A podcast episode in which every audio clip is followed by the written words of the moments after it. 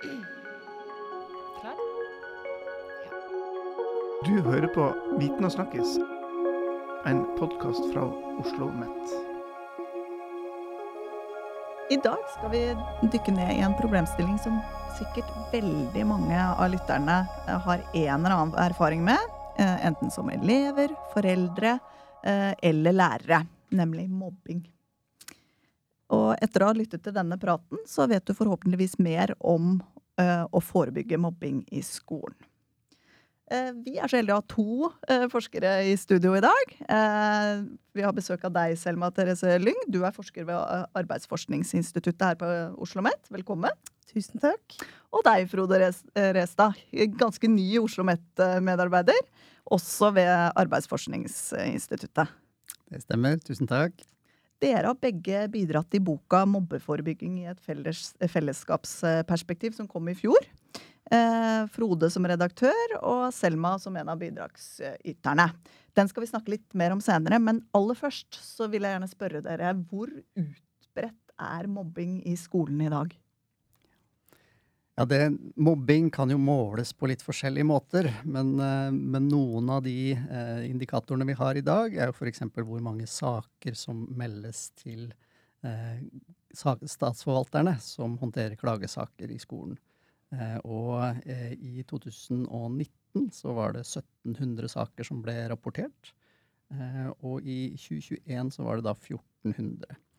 Og det det sier noe om, er hvor mange saker som skolene, eller som elever og foreldre ikke opplever at skolene klarer å løse. Hvor de mener at her trengs det mer hjelp enn det skolene greier å gi. Så da blir de meldt til statsforvalterne som en klagesak. Og så har vi litt andre måter å måle det på, gjennom f.eks. Elevundersøkelsen, eller Ungdata, som mange kjenner. Og da får jo elevene svare på en spørreundersøkelse hvor de blir spurt om har du blitt mobba på skolen, f.eks. Eh, og i siste elevundersøkelse så var det ca. 6% av elevene som svarte at de var jevnlig mobba i skolen. Så det sier jo noe om, om forekomsten.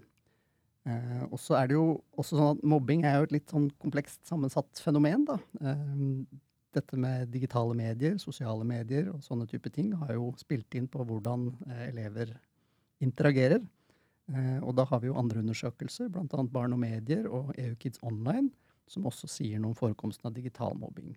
Den er ofte litt høyere eh, enn det som måles i elevundersøkelsen og andre. Det er litt vanskelig ja. å si nøyaktig eh, hvor mye, men, men, at det er veldig mye, og at det er veldig alvorlig for de som opplever det, det er ganske åpenbart. Mm. Og ser man noe utvikling i disse tallene de siste årene? Uh. Ja, altså Korona har jo spilt inn her, og det er jo noen tendenser til at man ser lavere forekomst under korona.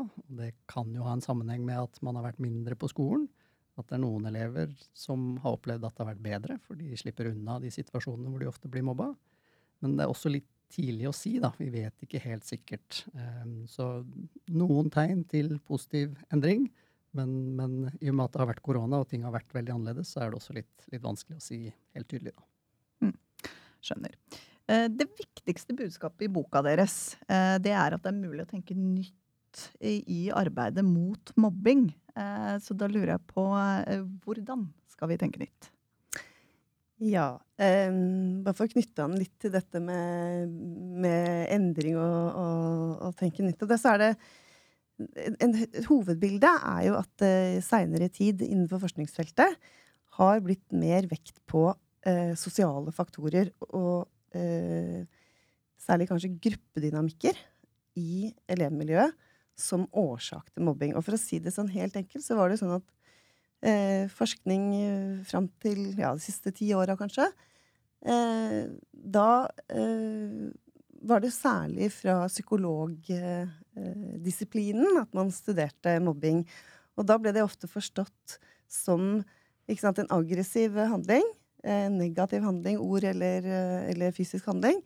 Eh, som var liksom eh, trigget og særlig begått av eh, elever som på en eller annen måte hadde en psykologisk dysfunksjon. Da, enten, eh, enten personlighetsmessig eller eh, pga. oppvekst eller familiebakgrunn, som gjorde at de da eh, hadde en tendens til å eh, være aggressive overfor andre for å oppnå et eh, mål, enten sosial status eller andre ting, eh, og at samtidig liksom redusert eh, utviklet evne til empati, som gjorde at liksom den eh, impulskontrollen, da, eller sensitiviteten for hvilken skade du påfører andre, liksom ikke var der til stede på samme måte. Men så så man jo også over tid at uh, for det første så for eksempel så man jo at um, det kan være samme elever som både mobber og blir mobbet, og man så jo også at forekomsten av mobbing sant, er så høy at det kan ikke forklares med at det bare er elever som har sånne individuelle dysfunksjoner.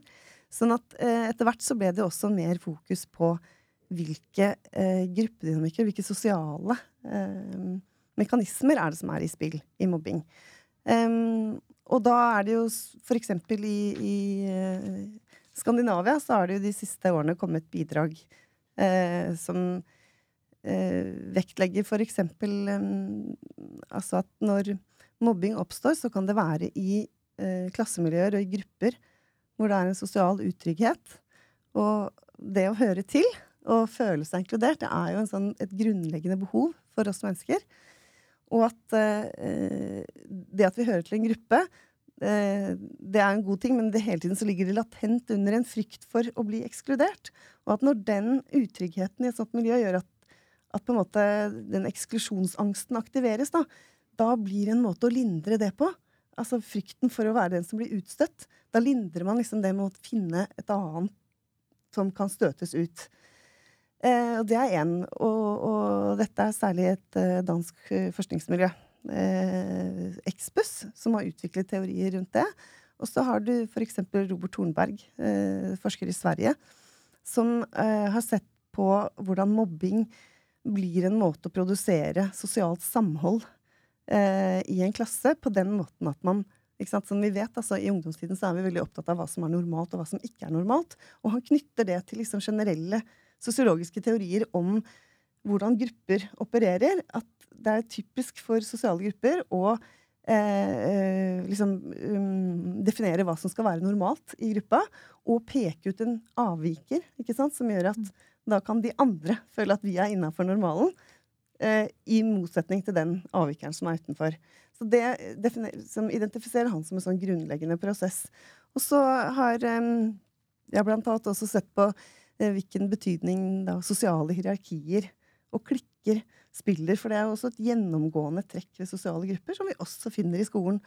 Og da, eh, når det på en måte er en eh, hele tiden drivkraft da, i eh, elevmiljøet også til å eh, markere sosial posisjon, hvem som er høyere og lavere, og også hvem som er innafor og utafor i de eh, klikkene, så blir det også dynamikker som tipper over i mobbing. Så du kan si på en måte at et hovedbilde er at, at man har eh, fått mer forskning som også empirisk da, viser hvordan eh, mobbing kan trigges av sosiale dynamikker, ikke bare liksom triggere eller disposisjoner da, i enkeltindivider. Bare for å se. Og det, da er jo oppfølgeren til det er at eh, da, da trenger man også andre måter å jobbe forebyggende på i skolen. Ja, ikke sant. Og For å knytte litt an til det Selma beskriver der, som, som egentlig er en, en, utvikling i forskningsfeltet, så er jo det en, en viktig sånn pretekst for denne boka. At det har vært en betydelig utvikling i feltet. Og senest da i 2020 så nedsatte Unesco en, en vitenskapskommisjon bestående av de ledende eh, forskerne på mobbing, med oppdrag om å utarbeide en ny, bredere og mer inkluderende definisjon av mobbing, som både kunne favne disse eh, psykologiske, men også de mer sosiologiske perspektivene som Selma snakker om. Så, og det er en type utvikling som ikke er veldig godt kjent for alle i Norge. Eh, og vi tenker at det er et veldig viktig bakteppe for boka, å si noe om hva slags type strategier og tanker kan det avstedkomme? Hvis man f.eks. da ikke bare ser på mobbing som noe som utøves av enkeltpersoner, men hvor fellesskapet har en betydelig rolle, og hvor strategien i større grad må handle om å bygge det fellesskapet for å kunne motvirke mobbing. Så I denne nye definisjonen så ligger det f.eks. En, en sånn antagelse om at eh, mobbing det årsakes av fravær av god respons fra voksne og systemet rundt. Fordi at når ting får lov å utvikle seg, så blir det til mobbing til slutt. Men det er jo i kraft av at voksne ikke har sett og ikke agert, og ikke først og fremst fordi barn agerer sånn som de gjør. Så, så, det er en ganske betydelig dreining i dette forståelsesgrunnlaget som vi tenker er viktig å, å bringe fram bl.a. i denne boka. Ja, så Da blir det jo vel så viktig det at de voksne ser, og ser det tidlig, da. Ja. Ser og handler eh, for å respondere på det som skjer. Og det betyr at forebygging får en veldig mye viktigere rolle. Det har alltid vært viktig, men, men det blir så avgjørende når eh, det å rett og slett forstå mobbing som fenomen handler om hva de voksne gjør for å svare på barns, eh, barns atferd. Ja, og da kommer vi jo inn på dette eh, begrepet dere bruker i boka om mobbeforebygging i et fellesskapsperspektiv. Hva legger dere i det? Ja, jeg tenker jo at det handler om å se på fellesskap både som en årsak, men også en helt avgjørende motgift mot mobbing.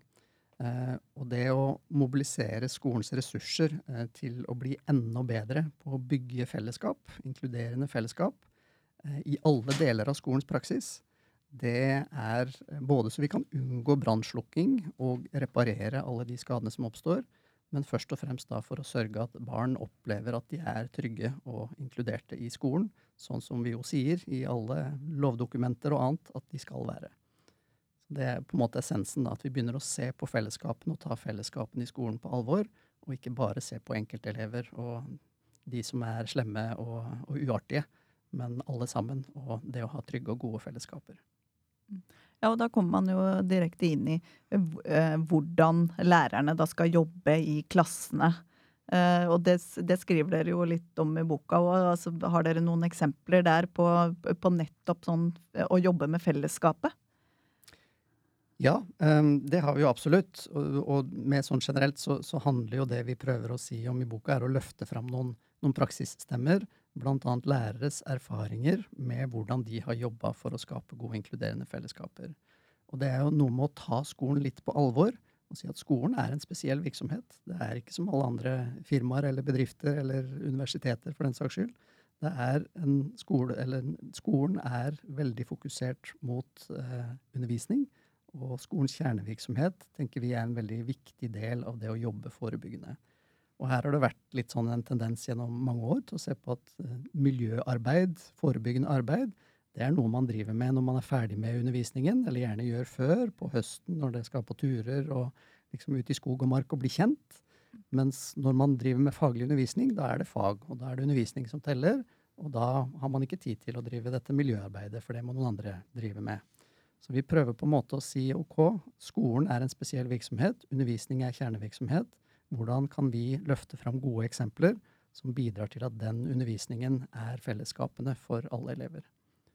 Og Der har vi jo masse gode eksempler, og der har jo du vært og sett på noen veldig dyktige lærere i Hemsedal, eh, Selma. Ja, får høre om det. Ja, Det kapitlet som jeg bidrar med i denne boka, da, eh, det eh, er skrevet i samarbeid med to lærere som har jobba med tverrfaglige kulturprosjekter i skolen i over ti år. Så det er på en måte blitt en litt sånn institusjon i den bygda. Og bakgrunnen for at jeg valgte liksom det temaet for det kapitlet, det var jo at i den studien som eh, jeg gjennomførte sammen med Ingunn Marie Eriksen eh, på NOVA, der så vi at eh, eh selv om eh, hovedfunnet i den studien på en måte var at skoler eh, i liten grad satsa på felles Altså retta mobbeforebyggingsarbeidet sitt mot relasjonene mellom elever, så fant vi likevel noen skoler som eh, tenkte mobbeforebygging inn i hvordan de eh, hadde forskjellige typer prosjekter på skolen. Og da fikk vi liksom ikke mulighet til å gå i dybden på det. Men eh, eh, Så det var liksom poenget med den artikkelen her. Og de lærerne som har jobbet med dette i ti år, de startet Og det er eh, Tori Snerte og Gerd Line Røisi som jobber på Hemsedal barne- og ungdomsskole. Og eh, bakgrunnen for dem var ikke egentlig liksom at nå skal vi ha et tverrfaglig prosjekt for å forebygge mobbing, men eh, det kom i stand eh, litt på initiativ fra elevene selv. Eh, da de skulle gjennomgå eh, Ibsen da, i tiende klasse der. Ja, men kan vi ikke heller spille der? Og så så de både eh, altså Dette har de liksom da bygd opp og raffinert liksom organisk gjennom ti år. Og så var spørsmålet vi satte oss ned og de gikk gjennom alle disse ti årene, var liksom hva er det hva er det dere gjør i disse prosjektene som gjør at det bidrar til å bygge fellesskap eh, og gode relasjoner? Og, og, og det de opplevde, og noe av motivasjonen for dem da til å fortsette med dette, det er jo det at de ser at det gjør en forskjell. Eh, og da eh, velger de jo eh, i dette prosjektet, da jeg, jeg, tenker, jeg skal bare si at det, det er jo viktig Altså, vi tenker på kulturprosjekter eh, som liksom det som ofte er sånn prosjekt eh, i skolen. Men man kan jo, og særlig i lys av fagfornyelsen, så gir jo det en kjempemulighet nå til å tenke prosjekter i andre typer praktisk-estetiske fag også, ikke bare scene og, og, og forestilling, liksom. Eh, men det de har gjort, da, de har eh, sett på hvordan Altså, de lager en boble. De kaller det for Ibsen-bobla. Mm. Som et premiss. Fordi det de tenker, for å få til det som eh, de opplever funker så bra, da, så må de virkelig sørge for at alle eh, forplikter seg. på en måte. Det må være en forpliktelse fra alle elevene til å virkelig ville å gå inn i det. Og liksom være eh, noen som vil løfte i flokk.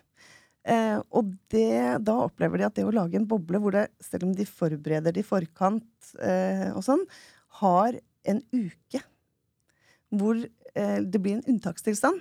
Liksom, da er det det de jobber med. Da er det det som gjelder. Da eh, rusker man liksom både litt opp i tid og rom, eh, sånn som vanligvis preger skolehverdagen, og legger til rette for at eh, elever som ellers ikke jobber sammen, eh, gjør det. Og blir kjent med hverandre i helt nye situasjoner. Da, og får vise fram sider ved seg sjøl som gjør at eh, gamle konfliktlinjer blir utfordra, og også statushierarkier.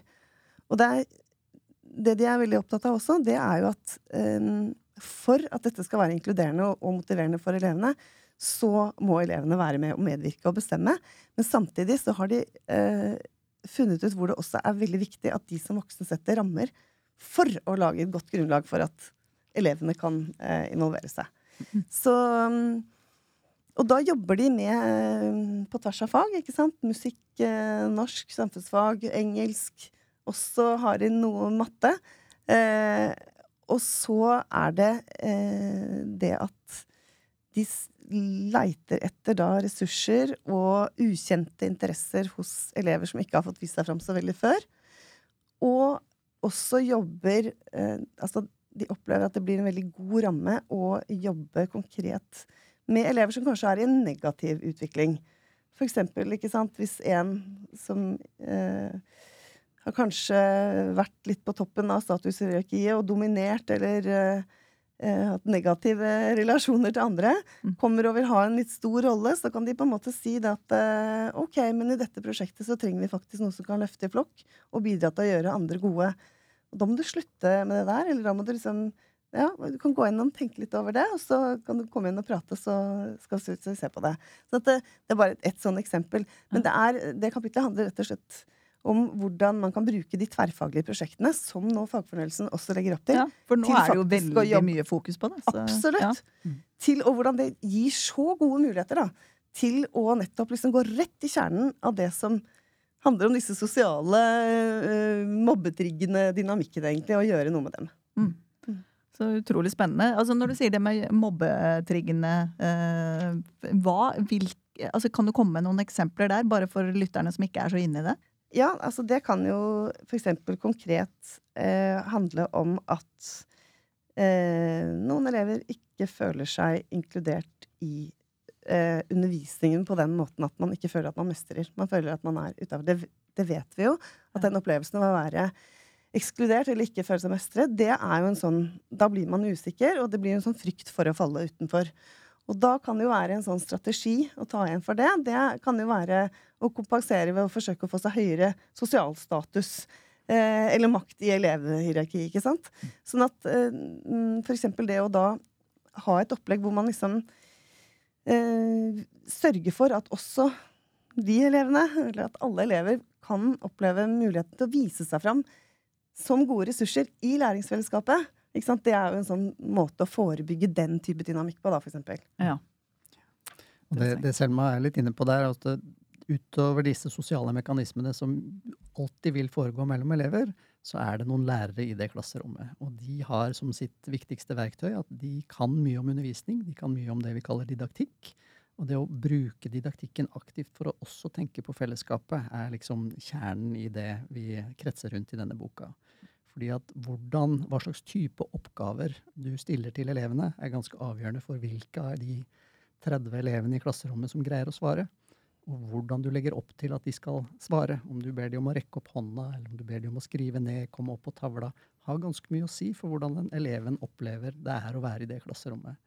Og vi vet ganske mye om det at noen lærere, hvis de gir tydeligere uttrykk for at de liker eller ikke liker en elev, så er det noe elevene legger veldig godt merke til og gjerne kopierer.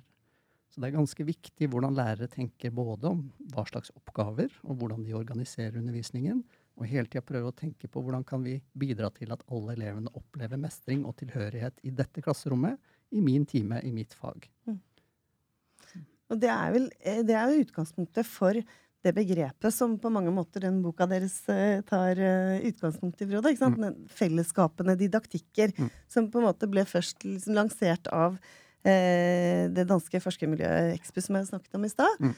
Og, og, som nettopp handler om at liksom den mobbeforebyggingen, arbeidet, ikke skjer på siden, liksom, som et eget sånn mobbe, antimobbeprosjekt.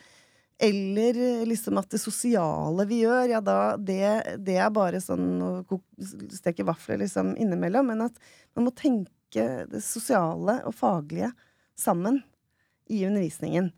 Og, og da er det jo nettopp det at uh, både tema, innholdet, liksom, og hvordan man vinkler det, uh, hvordan elevene skal jobbe sammen, og f.eks. hvem man setter sammen, Sånne type ting. At man, kan, at man velger didaktiske eh, strategier, da. også med tanke på hva er det som faktisk vil bidra til å bygge fellesskap i denne gruppa med akkurat de 25 elevene eh, som vi har.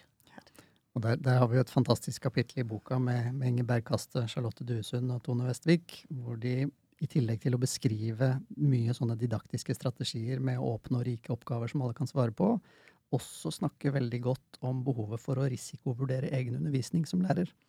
Og ah. nettopp se på min måte å undervise på, meg som lærer.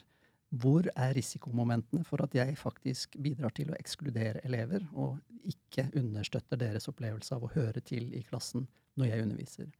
For Det er en sånn tanke som ikke nødvendigvis alle lærere tenker på. De, de skal formidle faget sitt og forberede, og det er krevende nok. Men, men, det å ha en tanke om risikovurdering, også hva er de negative, utilsikta konsekvensene av måten jeg underviser på, det tror jeg er et viktig bidrag som, som også denne boka gir. da. Ja, Det var spennende. Og så har dere også i tillegg eh, et eget kapittel om skoleledere og hva de, de kan gjøre. Ja. Hva, hva, er viktig der? Nei, eh, helt sentralt så er det jo at for å kunne lykkes med denne type strategier, så må ledelsen på banen. Det er eh, privatpraktiserende lærere får til mye i sitt klasserom, men, men, nå ligger jo både fagfornyelsen og veldig mye erfaring til grunn som sier at her må det jobbes kollektivt. Det må utvikles både et felles språk og felles strategier i et profesjonsfellesskap for å kunne lykkes. Og så må man jo i tillegg ha eh, langsiktighet i arbeidet. Skoleledelsen har en viktig jobb å gjøre både med å legitimere et fokus som eh, lærere trenger for å finne ro og retning, men også ha god dialog med en skoleeier og sørge for at uh, alle vet at uh, nå har vi en plan, og vi ønsker å jobbe med å utvikle noen strategier, og at det faktisk blir fulgt opp over tid. For det, endring og utvikling skjer ikke over natta. Det er veldig viktig å ha ledelsen som, som har fokus på det. Og en annen ting som også er veldig sentralt, er jo at uh, foreldre er jo en helt avgjørende og viktig del i skolen. Og det er heller ikke alle foreldre som kjenner til disse litt annerledes måtene å tenke omkring mobbing på.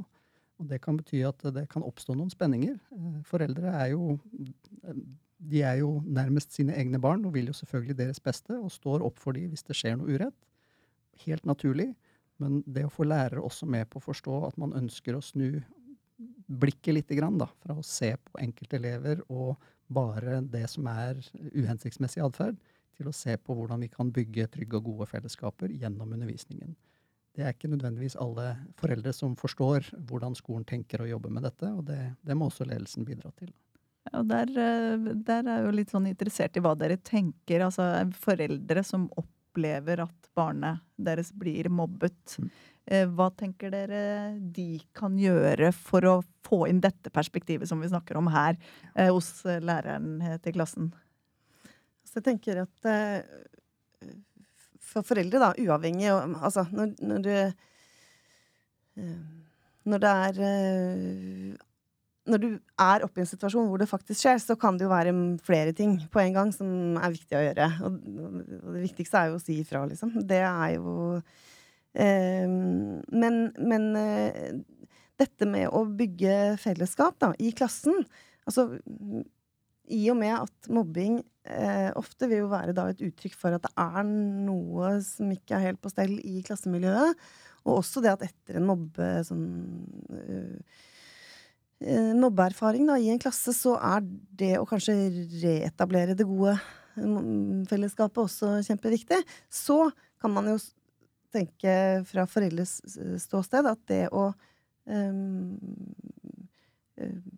legge vekt på betydningen av å forstå, da, betydningen av klasse Det at skolen jobber, og læreren jobber med å bygge godt klassemiljø, at det også er et viktig perspektiv å ta inn. Og det, det Når det gjelder liksom det langsiktige, forebyggende arbeidet, så er det jo liksom gjennom Da er det jo gjennom FAU og, og, og foreldreinvolvering. Og eh, der er det jo et momentum nå, da, eh, i forbindelse med fagfornyelsen, at det er jo veldig sånn i tråd og ikke noe på siden av eller noe som kommer i konflikt med liksom, det som er skolens oppdrag.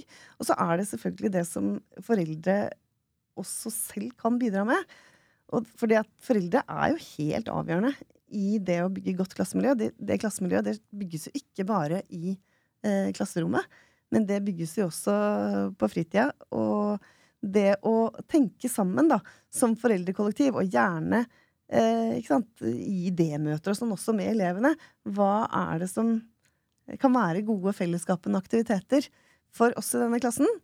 Eh, og, og, så eh, noe som er viktig også, kanskje fordele dette da, ikke sånn at det bare er to klassekontakter som skal ha ansvar for å gjøre det, men at det er noe man samarbeider og lager et opplegg for, da, sammen med elevene, og, og deler klassen kanskje inn i, i, i grupper med Kanskje også med foreldre, altså grupper hvor foreldre og barn som ikke er hverandres, holdt jeg på å si, jobber sammen og blir bedre kjent.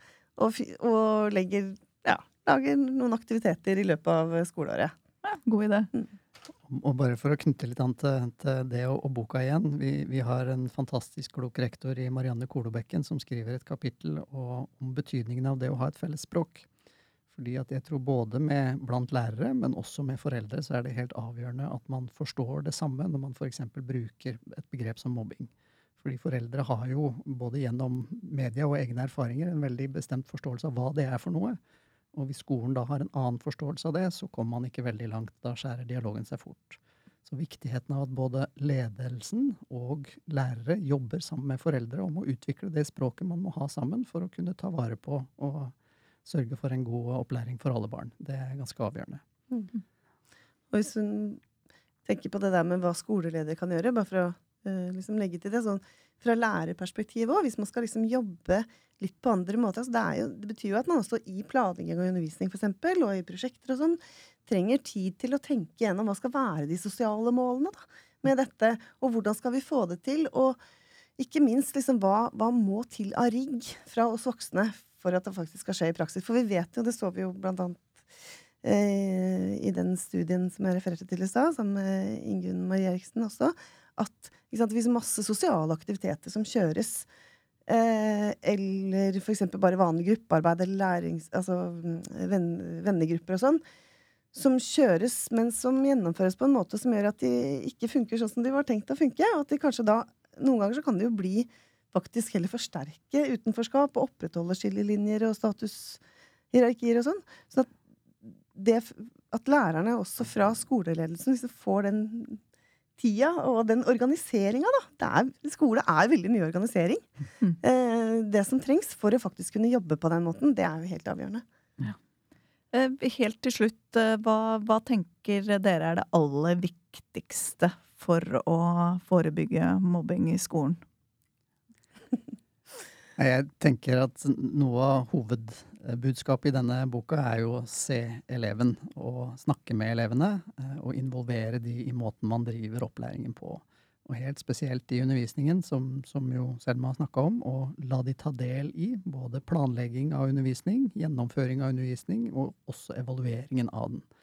Hvis vi skal få til et trygt og godt skolemiljø, så er det elevenes trygge og gode skolemiljø vi skal få til. Og de sitter med en helt avgjørende forståelse av hva som er trygt og godt for de.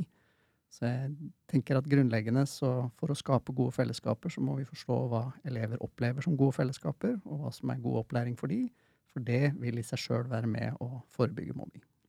Og så er det faktisk også sånn at eh, hvis elevene opplever at lærerne og andre voksne eh, legger vekt på hvordan miljøet er, og hvordan relasjonene dem imellom er, og de merker det både ved hvordan eh, voksne opptrer i friminutt, og hva de er med på og involverer seg der, og at de også merker at det ligger en tanke bak og en involvering i hvordan, og et engasjement da, rundt hvordan eh, undervisningen legges opp med tanke på det sosiale, så er jo det også en verdsetting. Så det er jo en kjempeviktig melding til elevene også om at hvordan de har det og er med hverandre eh, seg imellom, er viktig. Det var en veldig fin uh, oppsummering på en uh, veldig interessant samtale. Nå tror jeg mange har uh, fått en del å tenke på. Tusen takk for at dere kom. vi kommer med en ny pod i podkastspilleren din før du aner det. Takk for oss. Du hører på Viten og snakkes, en podkast fra Oslo Nett.